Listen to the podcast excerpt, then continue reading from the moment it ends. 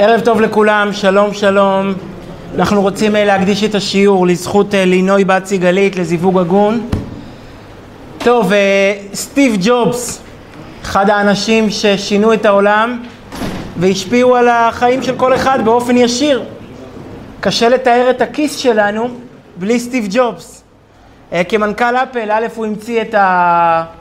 את, הטלפ... את המחשב הפופולרי הראשון, האישי הפופולרי, הביתי הפופולרי הראשון, אפל 2, ואחר כך בגלגול השני כמנכ"ל אפל הוא המציא את האייפוד והאייפון ועוד כל מיני מכשירים שמשפיעים על החיים, אני מקווה שלטובה.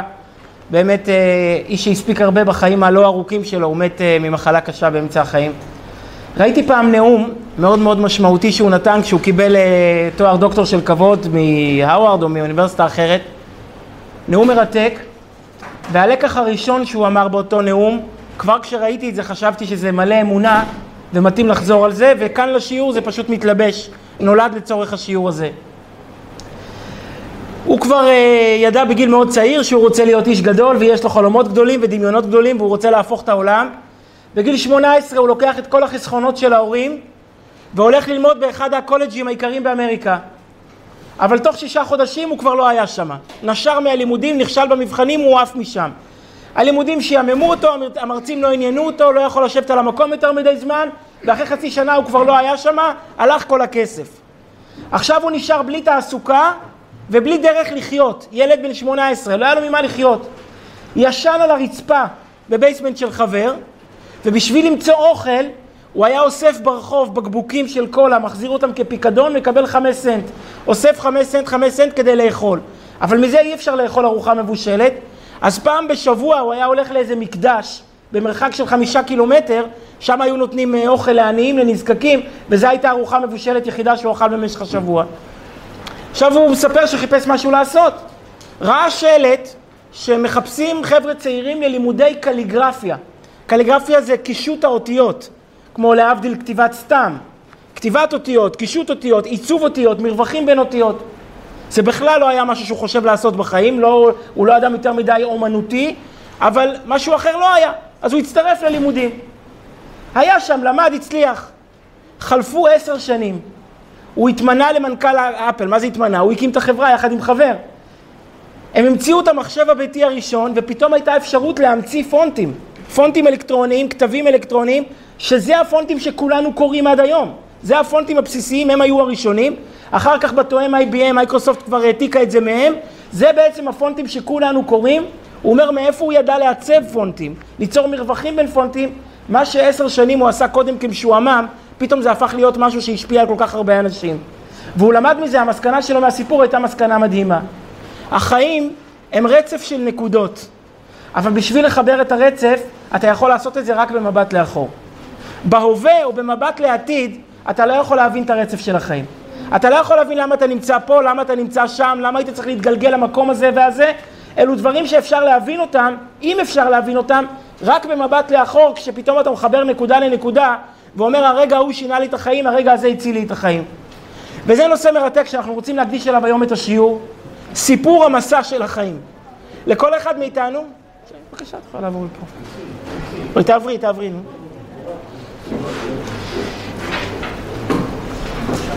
לכל אחד מאיתנו יש... אה, אה מישהו יכול לתת להם דף אולי? אה, דף מקורות? תשבי ותפתחי את הדלת. מישהו יכול לתת להם דף מקורות אולי? יישר כוח. את יכולה להשאיר דלת פתוחה, אתם לא תשמעו ככה.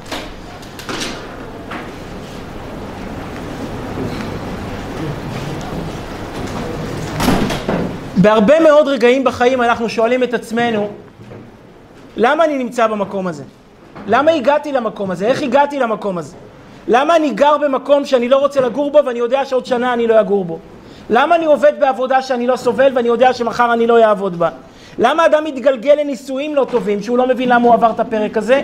שאלה מאוד גדולה והיום אנחנו רוצים לעסוק בדיוק בסיפור המסעות של החיים ולהבין מה מגלגל אותנו ומה מוביל אותנו ומה הסיבה שאנחנו נמצאים במקומות שאנחנו לא רוצים להיות בהם וגם לא נהיה בהם יותר מדי זמן, אולי נהיה בהם יום, יומיים, חודש, חודשיים ולא נמשיך להיות בהם, והשאלה היא מה הם תורמים לחיים שלנו.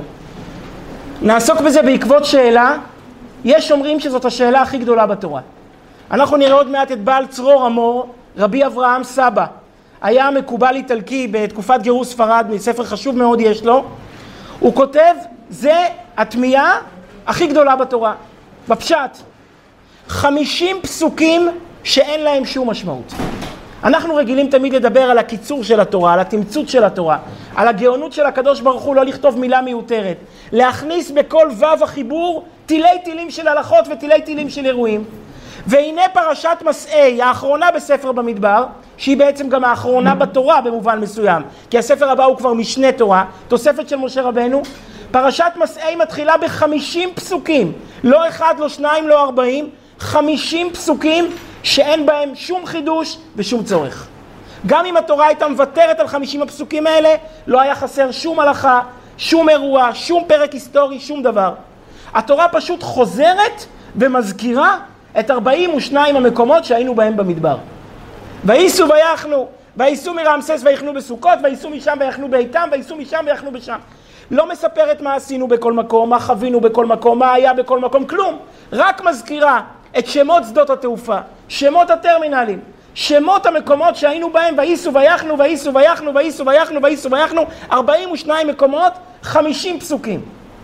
וכל מפרש מכובד, אין מפרש מכובד לאורך ההיסטוריה שלא עסק בשאלה, מה? בשביל מה התורה חוזרת על זה? 50 פסוקים, שנבין. סיפור בריאת העולם תופס בתורה 31 פסוקים. הסיפור הזה שעליו יושבת כל האמונה העולמית בבריאה. לא ראינו את הקדוש ברוך הוא, לא שמענו את הקדוש ברוך הוא, לא היינו פה בבריאה. מאיפה אנחנו יודעים שהייתה בריאה? ולא מפץ או אבולוציה או כל דבר אחר. הכל נשען על 30 פסוקים. קצרצרים, אנחנו מאמינים ל-30 פסוקים. עשרת הדיברות, כמה תופס עשרת הדיברות? 14 פסוקים. כל המוסר העולמי, 14 פסוקים. סיפור המסעות תופס 50 פסוקים, יותר מבריאת העולם ומתן תורה גם יחד. למה? וייסו ויחנו וייסו ויחנו, שנבין כמה זה תמוה. א', הרי כל הדברים האלה כבר סופרו בזמן אמת. כשהגענו לרפידים, סופר פרשת בשלח. כשהגענו לאיתם, לסוכות, זה כבר סופר שם, אין בזה חידוש. ב', הדור ההוא כבר מת, לא קיים, מת בחולות המדבר. אז זה גם לא אומר כלום לאף אחד, שתבוא ותספר. לפעמים יושבים הורים ונזכרים בנוסטלגיה, כשהיינו ברוסיה, כשהיינו בפוילין, כשהיינו במרוקו היה כך וכך. הילדים משתעממים, למה משתעממים? הם לא היו שם, זה לא אומר להם כל המקומות האלה שום דבר. אז למי התורה חוזרת ומספרת? הרי הדור ההוא לא היה. ובפרט שזה גם היה במדבר ועזבנו אותו, אז אין לזה משמעות נצחית. אז מה התורה מקדישה כל כך הרבה מילים כדי לסכם, אפילו לא לתאר, לסכם. אני זוכר כשהיינו בחורים, התחילו החבר'ה לנסוע לשליחות, היו נוסעים לרבי לחודש תשרי, ואחרי זה נוסעים לשליחות, לשלוחים בכל העולם. אז הייתה תחרות למי יש יותר חותמות בדרכון. חבר'ה היו יושבים וסופרים מי ביקר ביותר טרמינלים, ביותר שדות תעופה, מי קיבל יותר אה, אה חותמות באמיגריישן, בביקורת דרכונים. מהתורה עושה תחרות אימיגריישן, תחרות ביקורת דרכונים. וייסעו ויחנו, וייסעו ויחנו, למה זה משנה? תספר מה היה, תזכיר מה היה, תלמד איזה הלכה חדשה. גורנישט, שום הלכה חדשה, אבל חמישים פסוקים שלא מובילים לשום מקום, ואין מפרש מכובד שלא שואל, ואנחנו נראה מגדולי הראשונים, לא נוכל להזכיר כמובן את כולם, אפילו לא חלק, אבל כן נזכיר את הצרור המור שאומר, בכל התורה כולה, אין פרק יותר מיותר מהפרק הזה. נתחיל במדבר ל"ג, אלה מסעי בני ישראל אשר יצאו מארץ מצרים לצבאותם ביד משה ואהרון. ויכתוב משה את מוצאיהם למסעיהם על פי השם ואלה מסעיהם למוצאיהם. וייסעו בני ישראל מרמסס ויחנו בסוכות. וייסעו מסוכות ויחנו ביתם אשר בקצה המדבר. וייסעו מים סוף ויחנו במדבר סין. וייסעו ממדבר סין ויחנו בדווקא.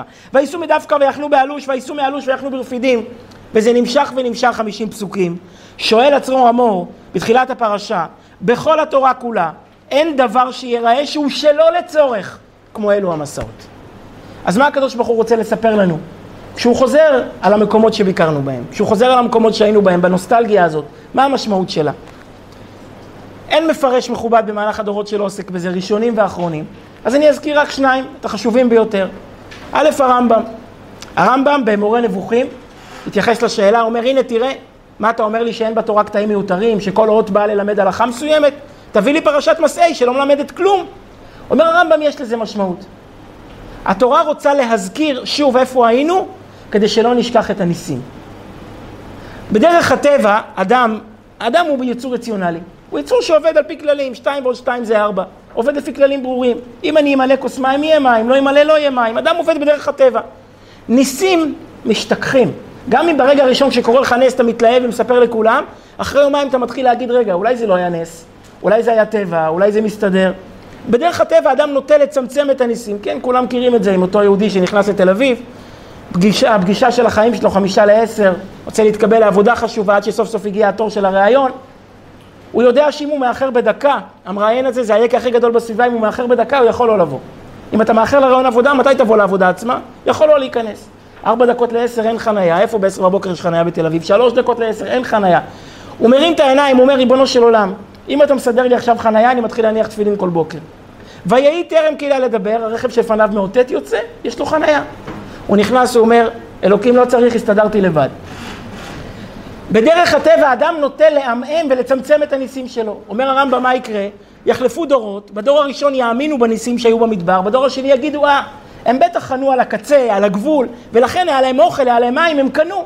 אז חוזרת התורה שוב על המקומות שבהם היינו, שנבין שחנינו בעומק המדבר, לא חנינו לא על גבול מצרים, ולא על גבול, אה, ולא על גבול סיני, ולא על טאבה, ולא באילת, ולא בשום דבר.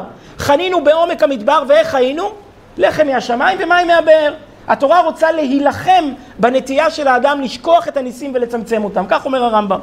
אלו הסיפורים, מורה נבוכים חלק ג' פרק נ', אלו הסיפורים אשר סיפר בתורה, שיחשבו רבים שאין תועלת בזכרם, ומזה אזכרת המסעות שיראה שזכר מה שאין תועלת בו כלל, הצורך בו גדול מאוד, מפני שכל הניסים אין אמיתתם ברורה רק למי שראם, אך לעתיד יהיה זיכרונם סיפור, כן, כמו המלחמה, המלחמה אנחנו נמצאת בשלב שהשואה עוברת מסיפור לזיכרון. ממעשה לאירוע שהיה פעם, שרק קוראים עליו, רק רואים עליו סרטים, רק נזכרים בו. אז יכולים לבוא אנשים ולהכחיש את זה. שנה אחרי המלחמה אף אחד לא יכול להכחיש את השואה. היום אפשר, למה לא? הדברים מתחילים להישכח. לכן אומר הרמב"ם, אך לעתיד יהיה זיכרונם סיפור, ואפשר שיחזיבם השומע. כמו עמוד ישראל במדבר ארבעים שנה, וימצא בו המן כל יום. וכאשר ידע השם יתעלה שאפשר לפקפק באלו המופתים בעתיד, ויחשבו שעמידתם הייתה במדבר קרוב אל היישוב שאפשר לאדם לעמוד בו, מפני זה חיזק ענייני אלו הפלאים בביאור המסעות ההם, שידעו גודל הפלא בישיבת מן האדם במקומות ההם ארבעים שנה. אז זה הרעיון של הרמב"ם. רש"י אומר רעיון אחר, הוא אומר להודיע חסדיו של מקום.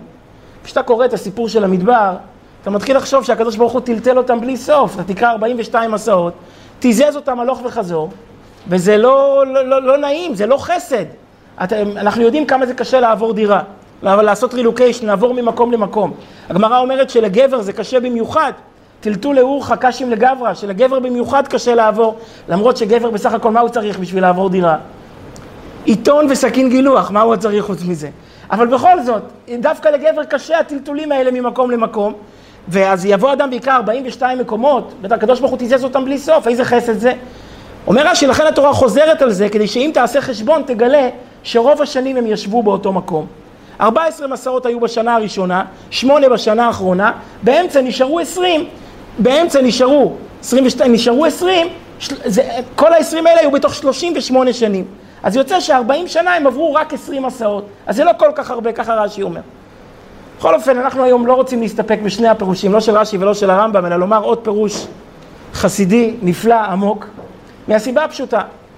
על התשובה של הרמב"ם מאוד קשה שאלתו של האלשיך. נזכיר מה הרמב"ם אומר, למה הקדוש ברוך הוא מונה את המסעות, שנזכור שהם חנו בעומק המדבר. שואל האלשיך שאלה עצומה. אם ככה התורה הייתה צריכה לומר, אלה חניות בני ישראל, לא אלה מסעי בני ישראל. התורה הייתה צריכה לספר איפה הם חנו. התורה לא מדברת על החניות, היא מדברת על המסעות. כאילו העיקר זה המסע, זה ההתקדמות, זה המעבר ממקום למקום, לא המקומות שבהם חנו. זה על שאלתו של, זה על הרמב"ם. ועל רש"י קשה, שסוף סוף להגיד שהתורה סיפרה בשביל להגיד שב-38 שנים עברו רק 20 מסעות, רק 20 טלטולים, זה גם לא ממש חסד. חוץ מהרמטכ"ל ואלופי הפיקוד, אף אחד לא עובר ב-20 שנה, אה, ב-38 שנה 20 דירות. הקצינים הבכירים במטכ"ל, שכל שנתיים מפקדים על יחידה אחרת, אז עוברים כל שנתיים דירה. אבל אדם נורמלי לא עובר כל שנתיים דירה, וזה לא חסד גדול, ולכן עדיין קשה, גם רש"י עצמו מביא עוד פירוש, כי הוא מבין שזה פירוש קשה.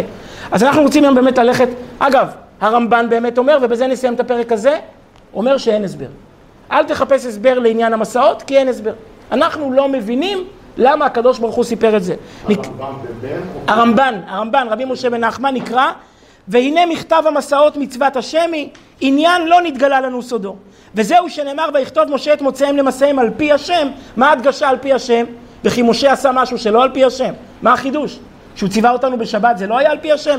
דווקא פה הוא מדגיש לומר, עשיתי זה כי הקדוש ברוך הוא ציווה אותי, אני לא מבין למה. במפורש זה עניין נעלם ועניין נסתר, כך אומר הרמב"ן. אבל אנחנו רוצים ללכת לכיוון מאוד מאוד מיוחד, ועל זה רק, זה יהיה רק היסוד, אבל ללכת לפתח את זה את כל השיעור. לבעל שם טוב היה נכד. לבעל שם טוב היה בן ובת. לבן קראו צבי, לבת קראו אודל. לאודל היו ארבעה ילדים, שלושה מהם מפורסמים. אחד זה רבי ברוך ממז'יבוץ, שהיה אדמו"ר חשוב, היה בן של אודל. היה, הייתה בת, פייגה, אימא של רב נחמן מברסלב, נכון? נחמן בן פייגה. נחמן היה, רב נחמן מברסלב היה צאצ נין ישיר של הבעל שם טוב. היה בן של פייגה בת אודל. והיה לה, ו, ולאודל היה בן שלישי בשם רבי משה חיים אפרים מזדליקוב. יש לו ספר שנקרא דגל מחנה אפרים. הספר הזה זה תורות שהוא שמע מסבא שלו, וזה בעצם כמעט הספר היחיד שיש לנו של מגע ישיר מהבעל שם טוב. כי הבעל שם טוב לא כתב כלום. הבעל שם טוב בחייו לא כתב אפילו אות אחת. כל מה שיש לנו זה התלמידים שלו. תולדות יעקב יוסף, המגיד ממזריץ', דגל מחנה אפרים. יהודי שראה את הבעל שם טוב, נכד של הבעל שם טוב, גדל אצלו בבית, ושמע ממנו הרבה רעיונות, אז זה אחד הספרים החשובים בעצם ליסודות החסידות, יסודות המחשבה החסידית שבאו מהבעל שם טוב עצמו. והוא כותב יסוד גדול, ועל היסוד הזה אנחנו ננסה לפענח את כל השיעור. הוא כותב שהתורה מפרטת את 42 המסעות, היא לא מדברת עליהם, היא מדברת עלינו. הם לא היו צריכים את זה, מי שחווה את זה חווה את זה, מי שלא חווה את זה לא יעזור שיזכירו לו. התורה מדברת עלינו. לומר לנו שהחיים הם 42 מסעות. שבחיים אדם צריך לעבור את כל ה-42 מסעות שהם עברו. הוא צריך להיות במראה, במקומות שמר לו. הוא צריך להיות במתקע, במקומות שמתוק לו. הוא צריך להיות בדפקה, במקומות שדופקים אותו, או שהוא דופק אחרים, אני לא יודע, תלוי מי זה. הוא צריך להיות בקברות התאווה, במקום שהוא קובר את התאווה. הוא צריך להיות במקומות שהתאווה קוברת אותו, כמו שדיברנו שבוע שעבר. ה-42 מקומות האלה זה לא הסיפור שלהם, זה הסיפור של החיים. התורה חוזרת על זה, וייסו ויחנו, כדי שנדע שכולנו צריכים לעבור את 42 המסעות האלה, כולנו חייבים לעבור אותם, ונחפש איזשהו לקח מתוך הסיפור. אז אחרי שיש לנו את היסוד ואנחנו מבינים שזה הסיפור שלנו ולא שלהם, ננסה להבין מה מונח כאן. אז מה התורה רוצה ללמד אותנו על המסע הזה? הבנו שזה המסע של כולנו, מה התורה רוצה ללמד?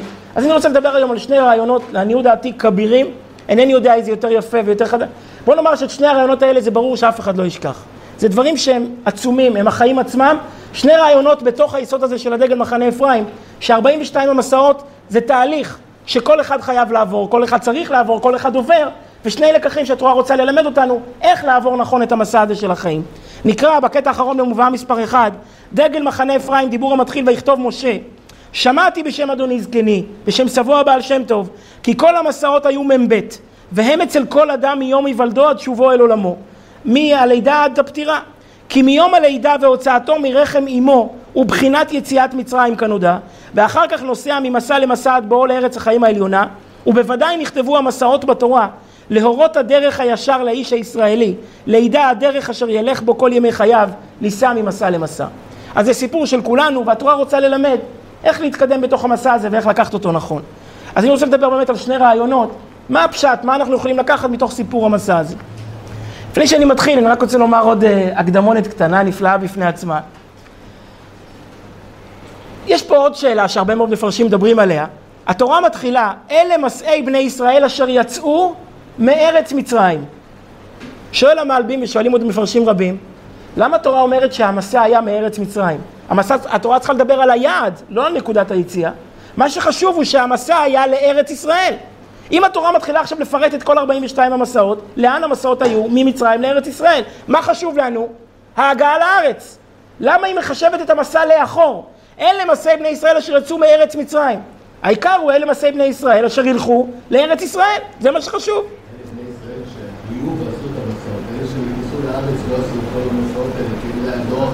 נו, אז אדרבה, בשביל הדור החדש היו צריכים להדגיש שההורים היו בדרך לארץ, לא שההורים יצאו ממצרים.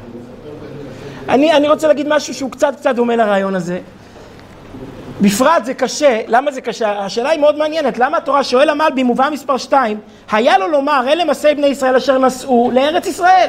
כשיהודי יוצא מרוסיה לעלות לארץ, כשיוצא מתימן לעלות לארץ, הוא לא יוצא מתימן, הוא יוצא לעלות לארץ, זה מה שהוא רוצה, מעניין אותו להגיע לארץ, לא לעזוב את מקום הולדתו. אז מה פתאום התורה מדגישה דווקא את היציאה ולא את היעד? שהנסיעה תיאמר תמיד אל מה שאליו ולא אל מה שממנו. למה זאת שאלה כל כך קשה? למגיד מדובנה, יש פה וורט יפה, רק בשביל הוורט הזה כדאי כל השיעור.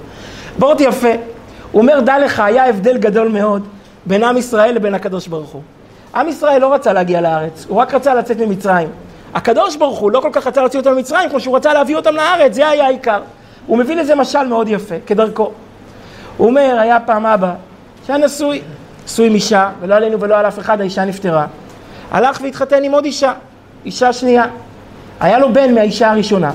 עכשיו, הבן הזה לא הסתדר עם האימא החורגת, הוא התחתן עוד פעם, האבא התחתן עוד פעם, והאימא מילא הבית, ויש בן מהאישה הקודמת, שתמיד מזכיר לה את האישה הקודמת ומאיים עליה וגורם לקינה בינה לבין בעלה, אז עשתה לו את המוות. לא נתנה לו לאכול, והייתה צועקת עליו, והייתה מגדפת אותו ומבזה אותו. והבן כבר בחור מבוגר ולא יכול לחיות מתוך כל הלחץ הזה, מספיק שאימא שלו נפטרה, עוד גם לא יכול להסתדר עם האימא החדשה. האבא ראה את הצער של הבן, הבין שצריך לחתן אותו, כבר הגיע לגיל שצריך לחתן אותו, צריך למצוא לו אישה טובה, יעבור לבית אחר, האישה הזאת תשלים את החיסרון וינחם אחרי אמו, תשלים את החיסרון של האימא. הלך האבא, בירר, מצא, שמע, עוד לא מצא, שמע על בחורה טובה בעיר אחרת, עולה עם הבן על עגלה, ויוצאים למסע יומיים להגיע לאותה עיר. אחרי כמה קילומטרים, הבן שואל את העגלון, נו, כמה כבר התרחקנו מעיר המוצא? הוא אומר לו, זה 20 קילומטר. או חלפו עוד שעתיים, האבא שואל, נו, מתי נגיע ליעד? הוא אומר לו, עוד 20 קילומטר. מה ההבדל, שואל המגד מדובנה? למה הבן שואל כמה התרחקנו מעיר המוצא, והאבא שואל מתי נגיע ליעד? אומר, פשוט מאוד. הבן לא, לא רוצה להתחתן. מה הוא רוצה? לברוח מהבית ההוא. מה שמעניין אותו זה כמה התרחקנו מהבית ההוא. האבא יודע איזה אישה מחכה. הוא בירר, הוא שמע, הוא יודע כמה טוב יהיה לבן להתחתן, אז הוא שואל כמה נגיע לשם. אומר המגיד מדובנה, עם ישראל רק חיפש לצאת ממצרים, לא חיפש להגיע לארץ. הקדוש ברוך הוא אבל רצה שהם יגיעו לארץ. לפי זה הוא מסביר מאוד יפה את הפסוק הראשון.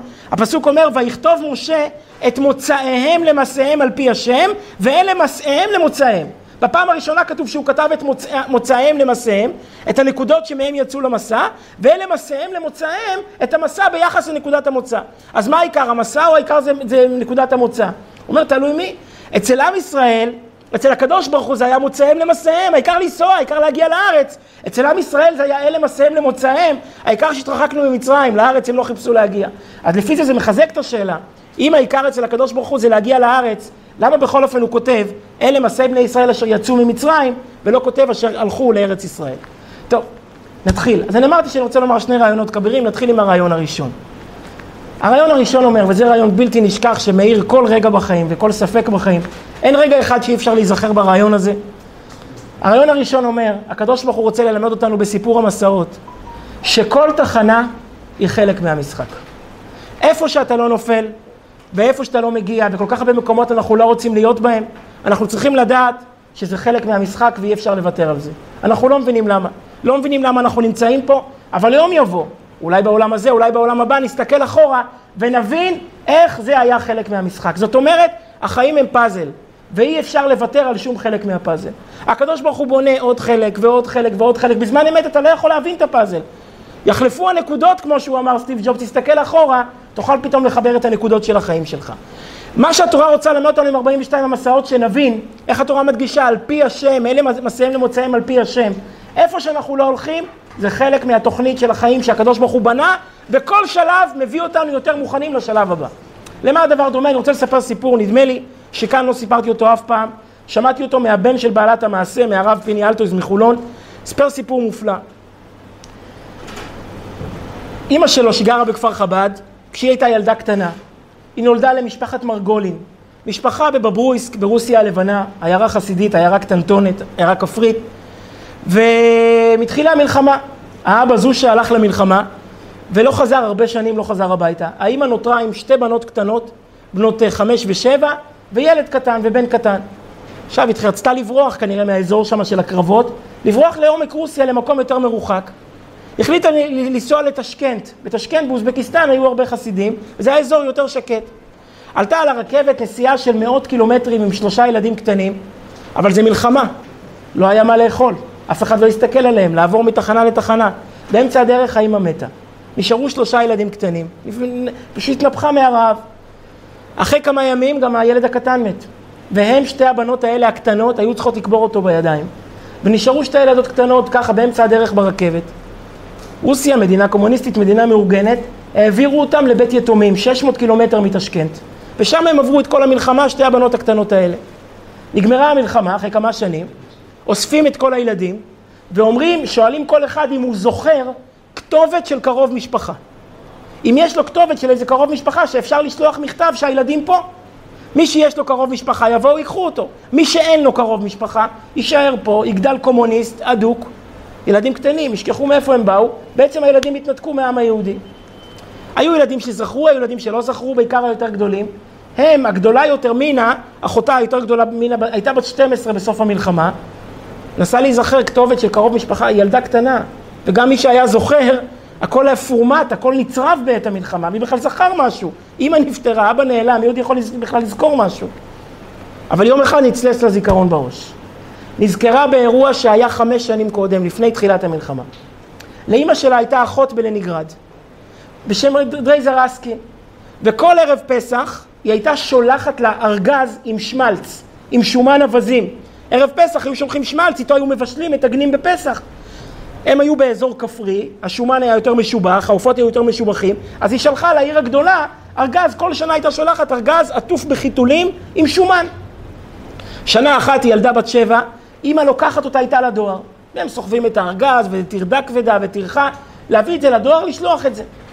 מגיעים לדואר, נפלו על איזשהו פקיד עצבני, והוא לא, לא שולח. זה מטפטף, זה רטוב, זה לך, הוא לא רוצה לשלוח, זה יזיק לכל דברי הדואר. האמא אומרת, מה זאת אומרת, אחותי מחכה לזה, כל שנה אנחנו, לא, הוא לא מוכן. צעקה צרחה, בסוף הוא הסכים שילכו הביתה, יביאו עוד ארגז, יעטפו את זה בעוד כמה חיתולים, ואז הוא מוכן לשלוח את זה. זו הייתה טרחה גדולה בשביל האמא, עוד פעם ללכת ועוד פעם להשאיר, אבל לא הייתה לה ברירה, אחרת זה יישאר כאן. השאירה את הבת שלה, מינה, ילדה בת שבע ביחד עם הארגז לשמור עליו, והיא הולכת הביתה להביא עוד חיתולים ועוד ארגז, כעסה מאוד, אבל הלכה. הבת יושבת שעתיים שלוש עם הארגז הזה לבד בדואר. האותיות היחידות שהיא ראתה מול העיניים זה האותיות הגדולות של הכתובת שאימא שלה כתבה, של הדודה שלה בלניגרד. עכשיו שמסתיימת המלחמה היא פתאום נזכרת באותו אירוע, באותו פאנצ'ר שהם נתקעו שם בדואר, שחזרה את הכתובת, שלחו מכתב לבית ההוא בלניגרד, זה היה נס על גבי נס כי המשפחה ההיא כבר עזבה את הדירה. אבל יום אחד ילד החליט שהוא עבר שם עם הרכבת, אולי לעבור דרך הבית לראות אם יש מכתבים בדואר, כמה חודשים אחרי שהמכתב הגיע. הגיעו, מצאו את המכתב, והאבא יעקב יוסף רסקין נסע טשקנט להביא את הילדות, עד אוזבקיסטן להביא את הילדות, הציל אותם, שתיהן עלו לכפר חב"ד, הקימו בתים כשרים, דורים, דורי דורות של חסידים. זה המסר, מה? פיניאלטויס, כן? זה המסר הגדול של פרשת, אה, וייסעו ויחנו. כל כך הרבה פעמים אתה שואל את עצמך למה אתה נמצא כאן, ואנחנו לא יודעים את התשובה, אבל התשובה היא שזה על פי השם. הקדוש ברוך הוא בונה את החיים כפאזל, וכל חלק מביא אותנו לחלק הבא. אם אנחנו נעשה חשבון נראה שלא יכולנו להגיע לתחנה אחת לפני שעברנו את התחנה שלפניה. פעם פוטרנו מעבודה, פעם קיבלנו עבודה, פעם קיבלנו סטירה, פעם נשיקה, אבל איך שלא יהיה, כל חלק זה עוד צעד, זה עוד קומה במגדל לקראת הצעד הבא. אז זה הרעיון הראשון, החיים הם מסע מסודר. איפה רואים את זה בשיא?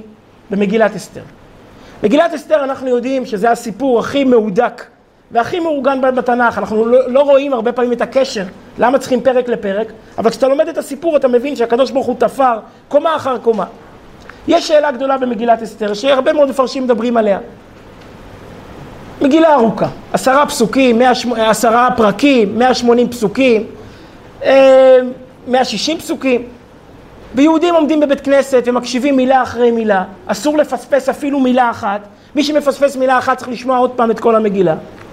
וכשאתה רגע עומד ומסתכל, איך לומר, זה לא נעים להגיד, זה כתבי הקודש, אבל זה קצת מביך. מה מסופר שם במגילה? מילא מפרק ג' שמתחיל האקשן, שהמן עולה ואסתר נלחמת בו, אני מבין. שני הפרקים הראשונים במגילה, מי צריך אותם? הפרק הראשון, העושר, המשתה הפרסי, הרברבני, הראוותני, שהמלך הבליין הזה עושה. 180 יום, השטיחים, היינות, הבשרים. מי צריך את זה? זה מתאים לבית כנסת לקרוא את כל השטויות האלה.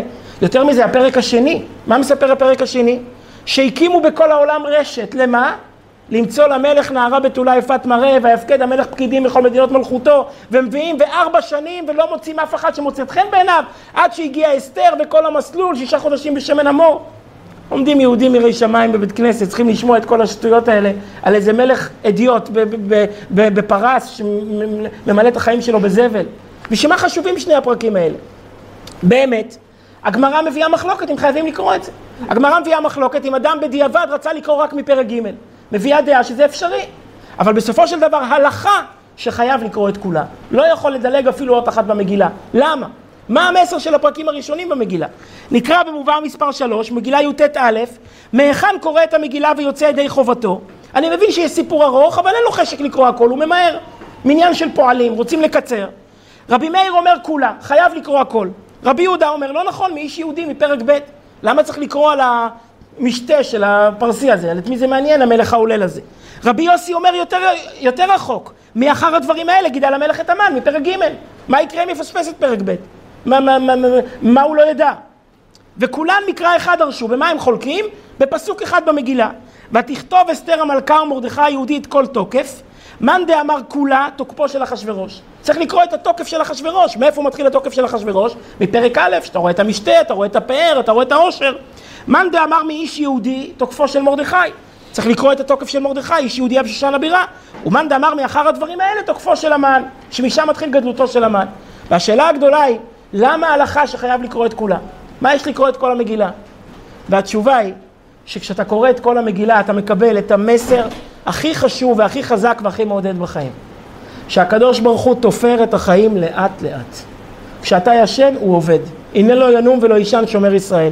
רק כשאתה קורא את כל העשרה פרקים אתה מבין את המסר העמוק של המגילה שהקדוש ברוך הוא מחבר פאזל לפאזל וזה לוקח שנים עד שאפשר לחבר הכל ולהבין את מה הוא עשה. הנה, הפרק הראשון מספר שהמשתה היה בשנת שלוש למלכו. הפרק השני מספר שאת אסתר הביאו בשנת שבע למלכותו, ארבע שנים אחרי. אף אחד לא חיבר בין הדברים, לא הבין את הקשר, שנת שבע. הפרק השלישי מספר שהגזרה פרצה בשנת 12 למלכותו. עוד חמש שנים חלפו. ואז כשפורצת גזירת המן, אתה מבין שכבר תשע שנים הקדוש ברוך הוא תופר עלילה כדי שאסתר תהיה שם בדיוק בזמן הנכון ובמקום הנכון. לפני תשע שנים היה משתה והוא גרם שיורידו את ושתי. לפני ארבע שנים או חמש שנים הוא, הוא דאג שיביאו לפה את אסתר במקומה, ואחרי חמש שנים כשהמן פרץ עם הגזרה שלו, פתאום אסתר הייתה שם במקום, ושתי לא הייתה ואסתר הייתה. כמה שנים הוא עושה את זה? תשע שנים. בשעת מעשה כשהסתכלו על הדברים לא הבינו את הקשר. לא קישרו בין זה שוושתי מתה לזה שאסתר הובאה.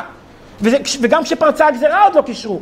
רק כשמרדכי שולח את אסתר ללכת לדבר עם המלך, פתאום מבינים, אה, אז לפני תשע שנים כשהקדוש ברוך הוא, שהזיזו את ושתי, זה נועד בשביל זה. הרעיון של המגילה הוא שהחיים זה סיפור מהודק, שהקדוש ברוך הוא תופר דף לדף. אנחנו לא מבינים, אנחנו שואלים למה, למה אני צריך את זה, למה אני לא יכול לוותר על זה? עוד עשרים שנה תבין. לא היום, בעתיד תבין.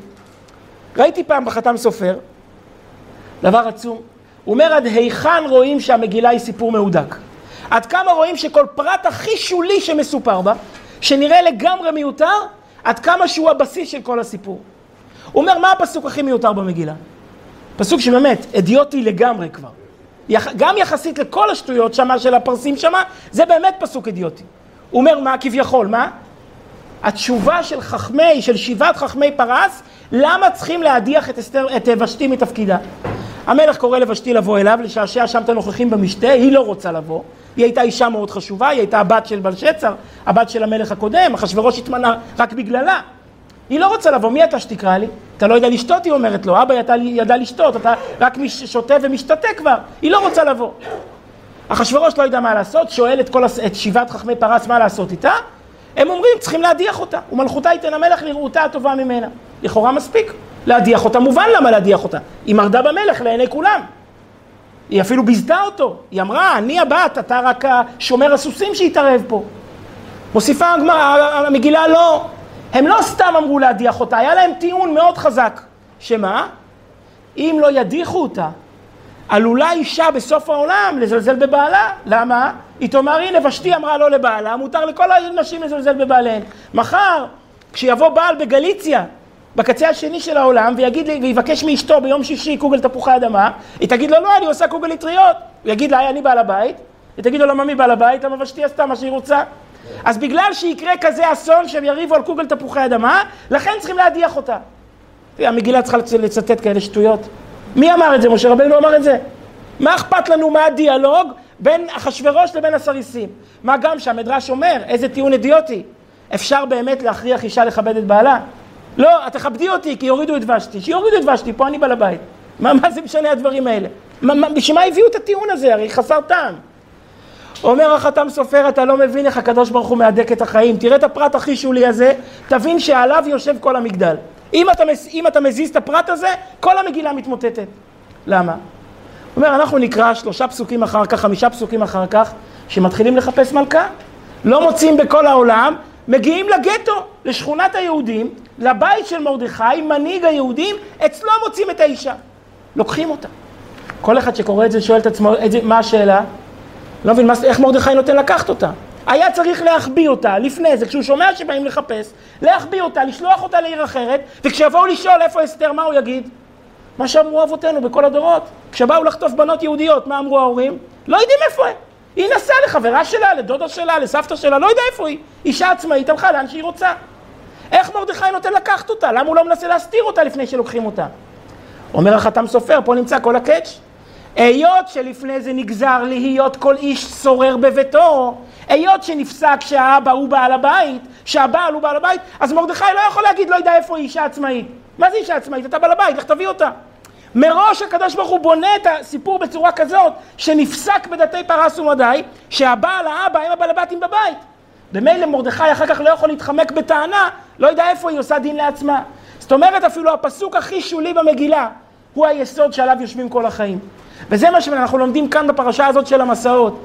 42 מסעות עובר האדם בחיים, אי אפשר לדלג אפילו על אחד. אתה לא מבין כלום בשעת מעשה, רק כשתסתכל אחורה תוכל להבין. אני רק אומר שהחתם סופר במקום אחר מוצא את זה בפסוק, מוצא את זה במפורש בתורה. יש קטע מאוד מאוד אישי. למה דווקא 42? בספרי קבלה כתוב שיש מושג של שם מב. אחד השמות, אם תשים לב, באנה בכוח יש 42 מילים. יש איזשהו עניין בקבלה שמורכב שם אב, שם מ"ב. אחד השמות שהקדוש ברוך הוא ברא איתם את העולם, זה מורכב מ-42 אותיות, 42 מילים. זה איזשהו עניין בקבלה שאנחנו לא מבינים בו מספיק. כן, נכון, הביאור הידוע שלו, נכון? זה אחד השמות, יש כמה שמות שהקדוש ברוך הוא ברא איתם את העולם. אחד השמות זה שם מב, ככה כתוב, שם מ"ב.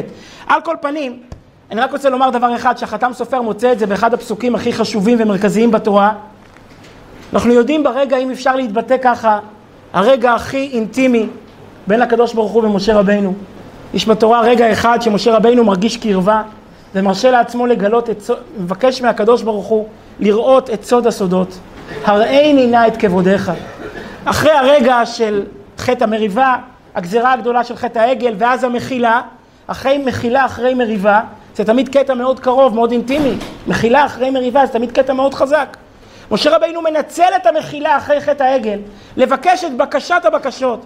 הראיני נא את כבודיך, תראה לי מי אתה, שאני אזכה לראות אותך, את פניך. איננו מבינים בדיוק מה העניין, אבל זה מה שהוא מבקש. והקדוש ברוך הוא מסרב, ואומר לו, וראית את אחוריי ופניי לא יראו. ביקשת יותר מדי. אתה יכול לראות את אחוריי, לא יכול לראות את פניי. אומר החתם סופר, מה הוא ביקש ומה הוא נענה. משה רבינו ביקש לדעת את סוד הסודות. למה רשע וטוב לו, צדיק ורע לו? מה הצדק האלוקי בעולם?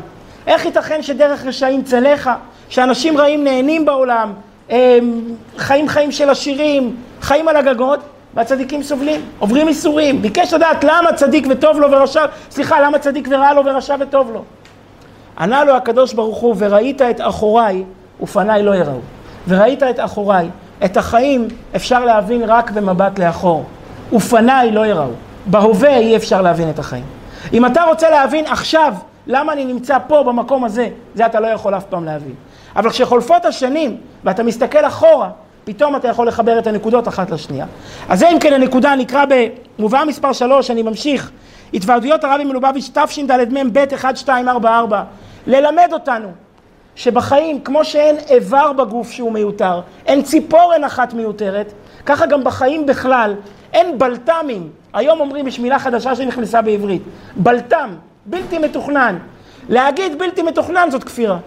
אין בעולם בלתי מתוכנן. אתה לא מתוכנן, הקדוש ברוך הוא כן מתוכנן. אין דבר שקרה בתאונה, דבר שקרה בטעות, דבר שקרה בלתי מתוכנן. כל דבר הוא מתוכנן, וייסעו ויחנו, לכל תחנה זה על פי השם. הקדוש ברוך הוא מוביל אותנו לאיפה שאנחנו צריכים להיות, והכל חלק מהסיפור של החיים. מזה לומדים הוראה בנוגע לכל פרטי המאורעות במשך חיי האדם. למרות שמצד ריבוי המאורעות אין רואים את הקשר ביניהם. הוא לא רואה את הקשר בין אופן ההנהגה שהתנהגו איתו אביו ואמו מהרגע שנולד ובין מצבו כיום, כשנעשה אדם שלם, סוחר או גדול בתורה.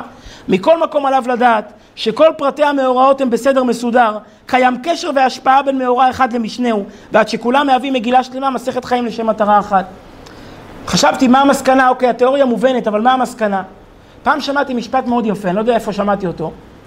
לא יודע, חיפשתי אותו עכשיו, לא מצאתי אותו איפה, אבל נדמה לי ששמעתי אותו פעם, מקווה שלא המצאתי אותו, נדמה לי ששמעתי אותו. והמשפט הזה אומר ככה, בחיים אנחנו נמצאים בהרבה מקומות. בחלק מהם אין לנו מושג למה אנחנו נמצאים בהם. אבל מה שחשוב, להיות בכל מקום הכי טוב שאפשר. אתה לא יודע אם תהיה מחר בעבודה הזאת, אם תהיה מחר בבית הזה, אם תהיה מחר בנישואים האלה, אתה לא יודע כלום. מה שחשוב זה להיות בכל רגע הכי טוב שאפשר, לא לבזבז את הזמן. לקום בבוקר ולשבת ולא לעשות שום דבר, זה הדבר הכי גרוע. אם אני נמצא פה עכשיו, אני צריך להיות פה הכי טוב. יכול להיות שמחר אני כבר לא אהיה פה. אבל זה לא משנה, את היום הזה אני צריך לנצל, את היום הזה אני צריך לתת את המקסימום שלי, את המקסימום תפוקה שלי. וככה אני אבוא יותר מוכן לאתגר הבא, לקומה, למסע הבא, שאני צריך ללכת אחרי המסע הזה. עוד רעיון שהרבי בעצמו למד מהאירוע, מהרעיון הזה, על החשיבות של חינוך. שהחיים מתחילים מהרגע שהם מתחילים. אתה לא יכול להגיד, שמע, בגיל 30 אני אתחיל לחנך את הילד, בגיל 20, לא. כל החיים זה מסע, מהרגע שאדם פותח את העיניים, הוא כבר חלק מהסיפור. ולכן אין גיל לחינוך, צריך להתחיל לחנך מהרגע שהילד רק נולד. כבר החיים התחילו, כבר הוא בתוך המסע, זה כבר ישפיע עליו בעתיד, ולכן מהרגע שהוא פותח את העיניים, אני אומר אותו ברכות, אני אומר אותו מודה אני, משעה שהילד מדבר, אביו מלמדו תורה ציווה, כי המסע מתחיל ברגע שהוא מתחיל, ברגע יציאת מצרים. טוב, אז זה רעיון אחד. אם כן, הרעיון הוא פשוט וברור וחד, להבין שאין בלת"מים, אין תאונות בחיים, הכל חלק מהמשחק שלנו, וכל דבר מביא אותנו לשלב הבא, זה רעיון אחד. הרעיון השני הוא רעיון מרומם, עד כמה שזה מרומם, אני חושב שהרעיון, בואו נאמר שהרעיון הזה נותן uh, תקווה, הרעיון השני מחייב. וזה רעיון עצום, אני רוצה לפתוח אותו עם סיפור uh, מאוד מאוד אישי, אני חושב שלא סיפרתי אותו כאן אף פעם. סיפור שכל המשפחה שלנו הייתה עדה לו. אפשר להביא את אימא שלי לכאן, אם מישהו לא מאמין לעדות שלי, אפשר להביא אותה לכאן שתספר את זה. סיפור מדהים ומיוחד במינו. לפני 25 שנים, בערך בשעה הזאת, עוד רבע שעה, הייתי תלמיד בישיבה בלוד, בשיעור ב' בישיבה בלוד, בכניסה ללוד יש ישיבה של חב"ד ותיקה. תשע וחצי בלילה, אה, אנחנו מתארגנים כבר לשינה, מסתיים היום. קוראים לי למשרד של המשגיח, של המנהל הרוחני של הישיבה. עכשיו, כשקוראים לתלמיד בשעה כזאת למשרד של המשגיח, זה לא סימן טוב. אני מנסה ללכת למשרד, לחשוב במה חטאתי, מה פשעתי, איזה דלת שברתי. אני מגיע, הוא מקבל אותי בפנים רציניות מאוד. הוא אומר לי, תראה, אמא שלך התקשרה שאביך עבר אירוע מוחי, וכל המשפחה מתכנסת עכשיו באסף הרופא, תיסע מיד למחלקה הנוירולוגית. טוב, אני הזמין לי מונית, נסעתי לאסף הרופא. אני זוכר את זה כמו עכשיו, שאני צועד שם ברחוב, בחנייה, בחושך, מחפש את בניין עליזה בגין, את הבניין של המחלקות, עולה למחלקה הנוירולוגית, אני זוכר אבא שלי היה בחדר הפינתי מצד שמאל, בעיכול של הקומה, במיטה השלישית בפנים, שוכב שרוע, כמה שעות אחרי אירוע מוחי, שאף אחד לא יראה אף פעם אירוע כזה, בטח לא אבא, חצי פלא גוף שמאלי משותק, לא יכול לזוז. ברוך השם, הדיבור לא נפגע, הוא היה יכול לדבר. ככה הוא שוכב, זה היה מחזה קשה מאוד, לא רק לראות אבא, אלא גם אבא שלי היה, איך אני אגיד, היה מרכז הבית, היה, היה רב של כפר חב"ד, הוא היה סלע, היתד שכולנו נשענו עליו, איש תקיף מאוד. פתאום לראות אותו ככה שוכב, זה לא מחזה מלבב במיוחד. ילד בן 15. פתאום הוא ככה, אני לא אשכח את זה לעולם, עכשיו, אוקיי, פתאום הוא ככה טיפה, לא יכול להגיד מזדקף, אבל טיפה מתחזק, והוא אומר לאימא שלי במילים האלה, תתקשרי ללייזר, לייזר זה היה אחי, שהיה אז חתן, ארבעה שבועות, שלושה וחצי שבועות לפני החתונה, היה בניו יורק. הוא אומר לה, תתקשרי ללייזר, שילך לאוהל של הרבי, זה היה חצי שנה אחרי ההסתלקות של הרבי, שילך לאוהל של הרבי וימסור בשמי, שאם אני חוזר לעמוד על הרגליים, ואני אחזור לכוחות שלי, אני מקבל על עצמי לעזוב את כל העיסוקים הכלליים ולחזור לכתוב הערות על שולחן ערוך אדמו"ר הזקן. לאבא שלי הייתה הוראה מהרבי שהשליחות שלו בחיים זה לכתוב הערות, עיונים על שולחן ערוך בעל התניא. הרבה שנים הוא עשה את זה, הוא גם הוציא כמה ספרים, אבל בשנים קודם, לפני 95, השנים האחרונות לפני, היו שנים מאוד סוערות ברמה החב"דית. עסקנות, עניינים, גם הייתה הסתלקות של הרבי. ולא היה שייך בכלל שהרב של כפר חב"ד יתרכז ויפתח את המחשב ויעיין בספרים באותיות הקטנות. הוא לא פתח את המחשב כמה שנים. עכשיו כשיהודי עובר אירוע כזה, הוא עושה חשבון נפש, ככה אנחנו רגילים. הוא עושה חשבון נפש ומגיע למסקנה שאולי זה, לא אולי זה קרה בגלל, לא מבינים למה קרה, אבל במה הוא צריך להתחזק? בשליחות שהוא קיבל מהרבי. אז הוא מבקש מאחי ללכת לאוהל של הרבי ולמסור בשמו שהוא מקבל על עצמו לעזוב את העיסוקים הכלליים ולחזור לעניין הזה אם הוא רק יעמוד על הרגליים, אם הוא רק יכול לשבת ליד המחשב. שלושה וחצי שבועות אחר כך, רבותיי וגבירותיי, אני עכשיו הייתי בניו יורק, אחי הזה כבר חיתן את הבן שלו. עכשיו, עשה חתונה ראשונה, לפני החופה שאלתי אותו אם הוא זוכר את הסיפור, הוא אומר לי, בטח, איך אני אשכח? שלושה וחצי שבועות אחר כך, אבא שלי עמד על שתי רגליים, הלך ברגל בשדה התעופה סחיפול באמסטרדם, זה אחד משדות התעופה הגדולים בעולם. נדמה לי שאז הוא היה הגדול באירופה. זה מסוג המקומות שאתה מקנא באנשים עם הכיסא גלגלים, שאתה לא צריך ללכת. הוא פשוט הלך על שתי רגליים, ירד עם אמא שלי מהמטוס, הלך על שתי רגליים.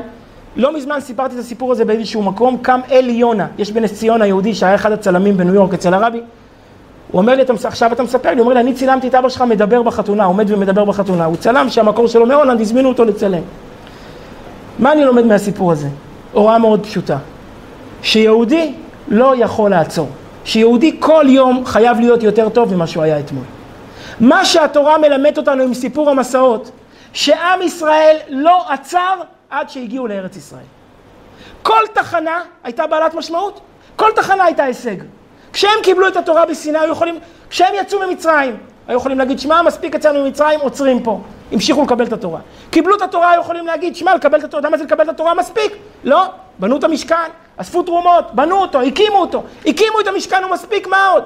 המשיכו להתקדם, תחנה אחרי תחנה, עד שהגיעו לארץ ישראל, וזה מהפכה בראש.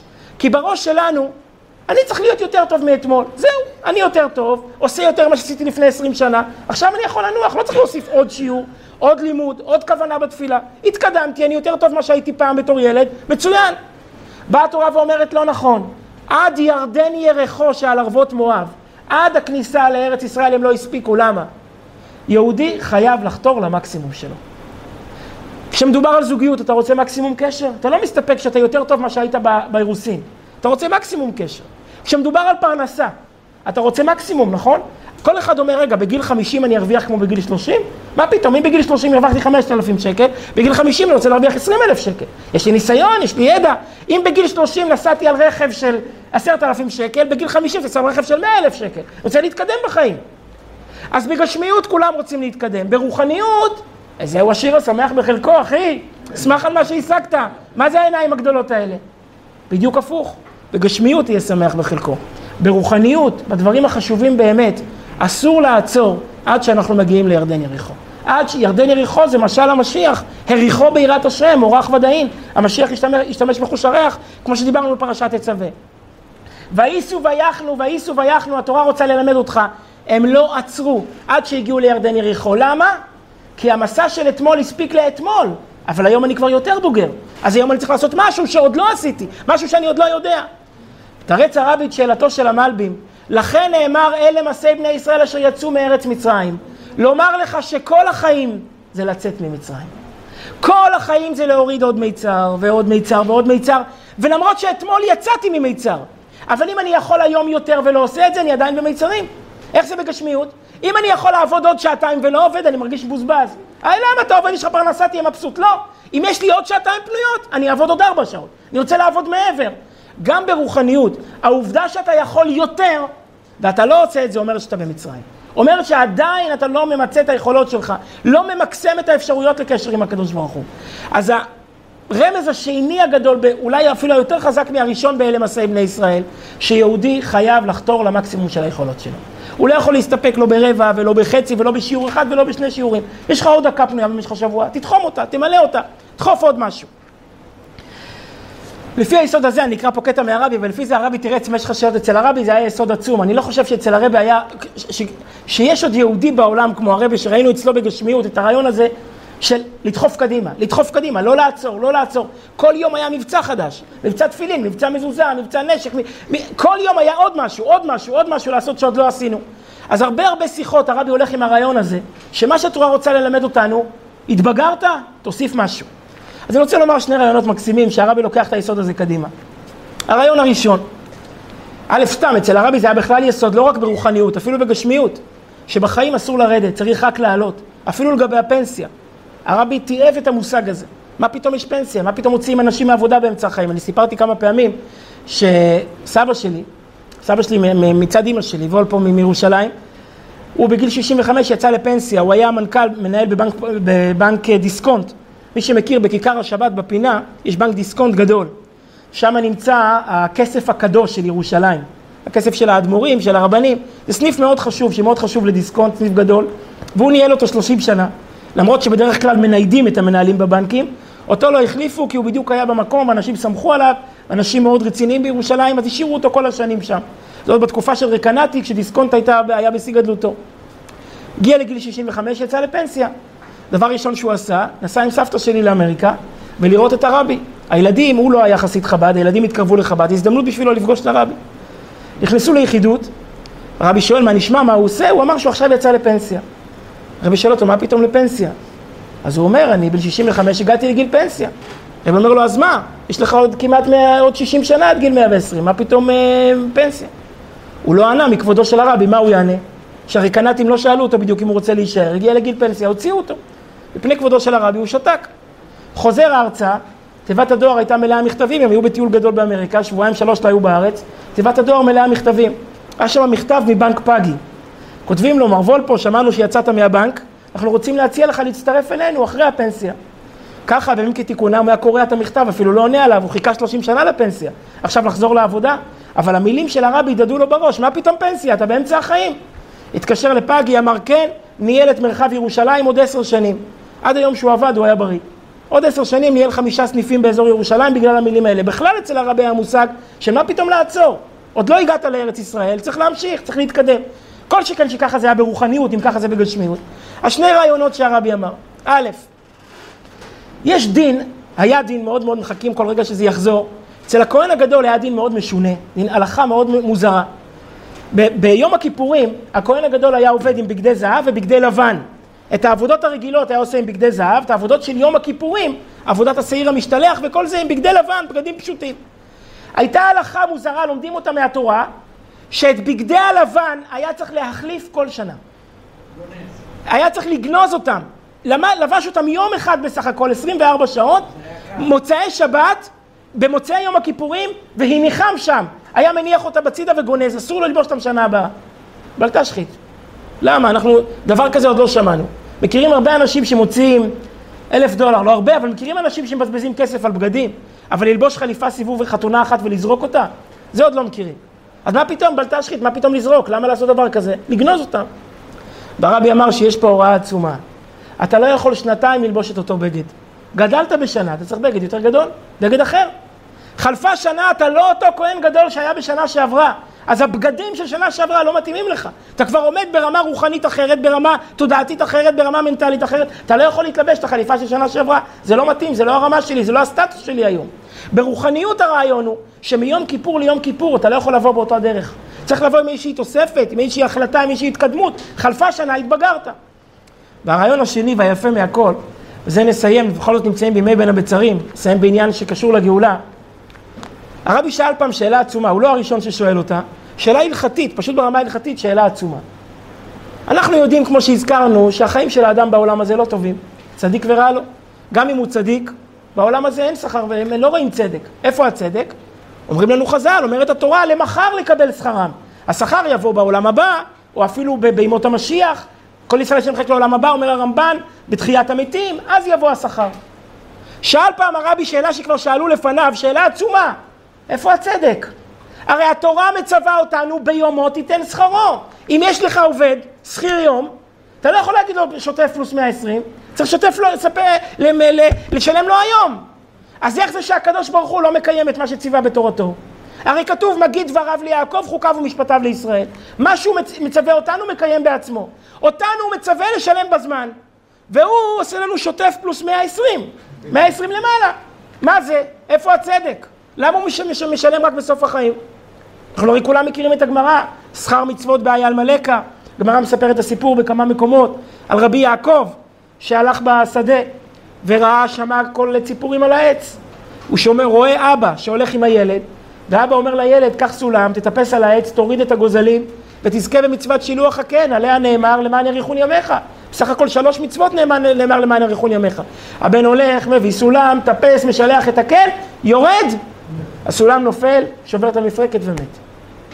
עמד רבי יעקב, אמר, תשמע, משהו לא אמיתי. הגיע למסקנה, למה נאמר למען יאריכון ימיך ולמען ייטב לך, שאריכות ימים היא לא פה, היא איפה שטוב לחיות. פה מי רוצה לחיות חיים ארוכים? זה עוד מאה שנה לשלם משכנתה, מי רוצה את זה? למען אריכון ימיך או למען ייטב לך איפה שטוב לחיות, בעולם שכולו טוב, שכר מצוות בעל מלא כאלה שם. יפה מאוד בשביל הדרשה, אבל זה לא מתאים מבחינה הלכתית, ביומו תיתן שכרו. איך הוא דוחה לנו את השכר כל כך הרבה? והרבי ענה מאוד פשוט, כי כל החיים זה מסע אחד בקבלנות להשלים את התיקון שלנו. זה לא שכיר יום, לא לכל יום יש משימה. יש לנו לכל החיים מסע של 42 תחנות שצריכים לעבור. כשמסיימים את המסע בסוף החיים, זה משימה בקבלנות. משימה בקבלנות מקבלים עליה אחרי שמסיימים. שכיר יום מקבל באותו יום. קבלן, מוסכניק, מקבל אחרי שמסיים את העבודה, לא משנה כמה זמן לקח לו. מחזיר את הרכב מתוקן, מקבל את השכר שלו. החיים זה מסע של 42 תחנות, מסע אחד. צריך לטפס עוד מסע ועוד מסע ועוד מסע ועוד מסע. בסוף המסע, אז מגיע השכר, לא באמצעו. הרעיון הוא אם כן, שאי אפשר לעצור עד ירדן יריחו. אי אפשר לעצור עד שבאמת נשלים את המשימה של כל הדורות וכל האנושות ונזכה לראות כאן את הגאולה. לבוא ולהגיד, שמע, הגענו כבר לארץ ישראל, זה יותר טוב ממה שהיה בעיראק, יותר טוב ממה שהיה בתימן, יותר טוב ממה שהיה בתשכנט. זה, בשביל יהודי זה לא מספיק. זה טוב בשביל המסע ה-20, בשביל המסע ה-25. אנחנו צריכים להשלים את כל ה-42 מסעות, להגיע לארץ ישראל על ירדן יריחו, ועד הרגע הזה אי אפשר לנוח ואי אפשר לעצור.